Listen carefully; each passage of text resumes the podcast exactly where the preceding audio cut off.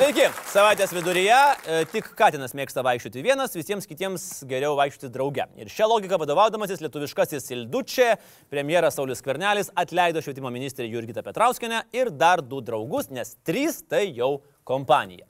Ta proga šią savaitę apžvelgime top 7 ministrus, kurie neteko savo posto, nors buvo tikrai nekalti, nu tikrai ne už ką jos atleido. O šiaip sąrašas yra toks ilgas, kad be problemų galėtume sukurti atskirą laidą, tačiau atrinkom tik septynis. Nors garbingo paminėjimo verti ir Jaroslavas Neverovičius, kuris nepakluso Butkevičiui, Bronius Markauskas, kuris netyčia dirbo svetimą žemę, Milda Vainiutė, kurios pavardę vis tiek tarė visi su U ilgaja, Vigilijus Jukna, kai jo draugeliai pateko juodai prezidentės sąrašą, Viktoras Uspaskikas už verslų kūrimą Maskvoje, Gintaras Treukas, Vygudas Ušackas, kuris susipyko su Mamadalė ir krūva kitų. Sąrašą galima tęsti ir tęsti, nes Lietuvoje bet kas gali tapti ministru. Bet nustoti būti ministru dažniausiai labai netikėtai. Ir šiandien mes atrinkom septynis nekalčiausius. Septintoje vietoje buvęs susisiekimo ministras konservatorius Algis Žvaliauskas. Jis buvo vienas pirmųjų pradėjęs tradiciją kelionę už valdiškus pinigus ir už postą. Gudžiais 98-aisiais pagal visas senas geras nomenklatūrinės tradicijas Algelis susistodino būrį draugų ir valstybei priklausančių lėktuvų išskrido pamedžioti į Švediją. Net ne į konferenciją, net ne krikščioniško žodžio švedams kleisti. Ne, tiesiog pamedžiot ir viskas. Nu, reikia suprasti Algi. Vargšas yra nuo suduvos kraštų, nėra miškų, o mišką jis myli. Ir dar kai tampi ministru ir ne bet kokiu, o susisiekimo, tai būtų gėda nenuskristi valdiškų lėktuvų pamedžioti. Man tik vienas klausimas kyla. Jeigu žinai, nu tu turėjai žinoti, kad po tokios kelionės tau bus šakės, tai kodėl tu važiuoji į Švediją? Tu varyk į Naują Zelandiją, į Indoneziją, į Kanadą, sniego žmogaus medžiot. Išskristum kaip ministras, grįžtum kaip legenda. Šeštoje vietoje buvusi viena kiečiausių Lietuvos ministrių - socialdemokratė Birutė Visaitė.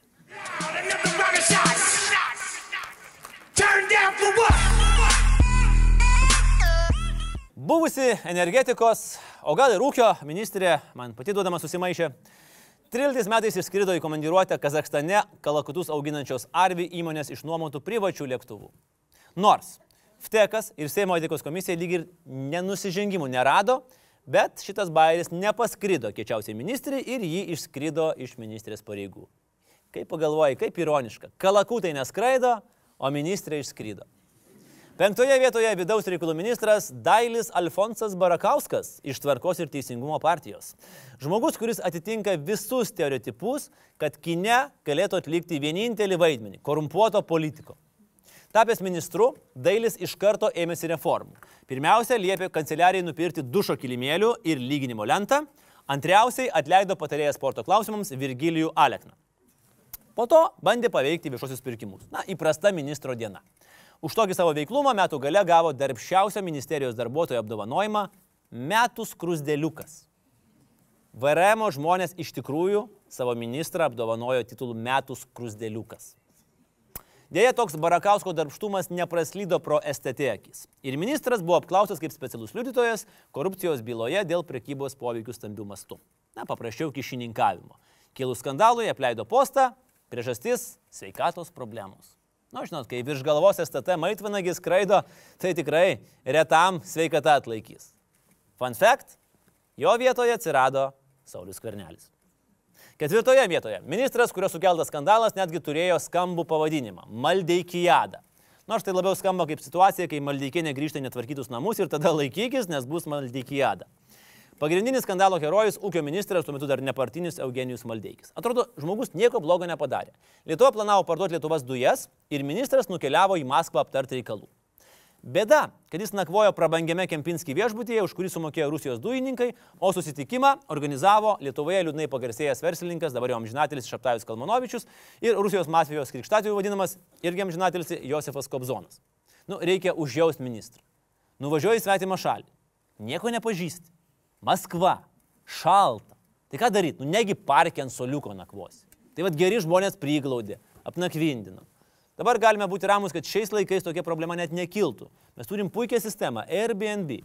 Korumpuoti politikai gali išnuomoti kambarį Gazpromo vadovo namuose ir net nereikės už viešnagę mokėti. O lauktuvėm tai reikės kokios nors strateginės Lietuvos įmonės akcijų paketų.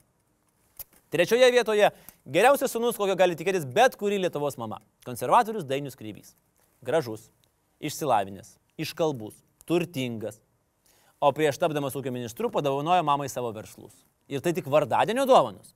Nes jau tapęs ministru, jis pradėjo dovanoti naujoms mamoms įmonėms dar 6 milijonus ES pinigų. Savo tokių žingsnių Dainius supykdė daugybę Lietuvos mamų. Kaip joms dabar jaustis?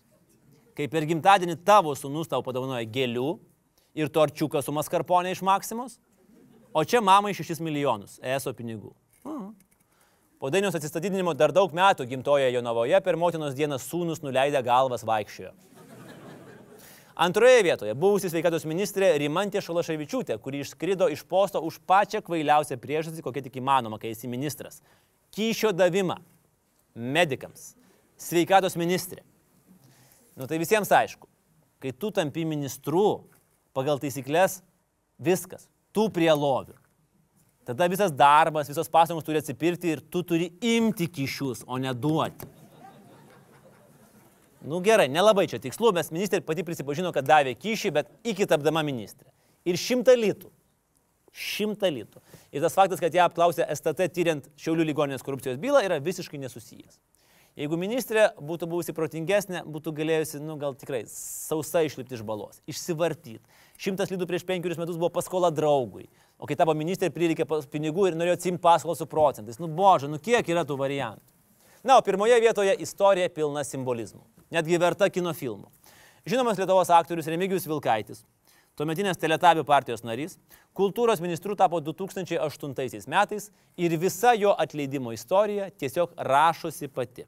Ar tu prisimeni meduolius? Ar tu žinai, ką aš tu padarysiu? Ar žinai, kad... Žiūrėk į mane! Žiūrėk, kai sakau! Ponas Vilkaitis, tapęs ministru, skyrė 120 tūkstančių litų filmo Atsisveikinimas laimingo žmogaus istorija finansavimui, kuriame jis pats ir vaidino. Nors filmas jau buvo nufilmuotas, tad dalis skirtų lėšų kažkaip galėjo nugulti ir ministro kišenį. Galima sakyti, šiuo žingsniu jis suvaidino savo paskutinį vaidmenį ministro kėdėje. Dėja kilo skandalas, įvyko atsisveikinimas ir visa ši istorija tapo nelaimingo žmogaus istorija. Štai toks buvo šios savaitės topas ir sunku suprasti, ar čia mums nesiseka su ministrais, ar ministrams nesiseka su savimi. Bet kaip sakė premjeras, sėkmingi žmonės į politiką neina. Tad jeigu kada gausite pasiūlymą tapti ministru, žinokite, jums jau nepasisekė.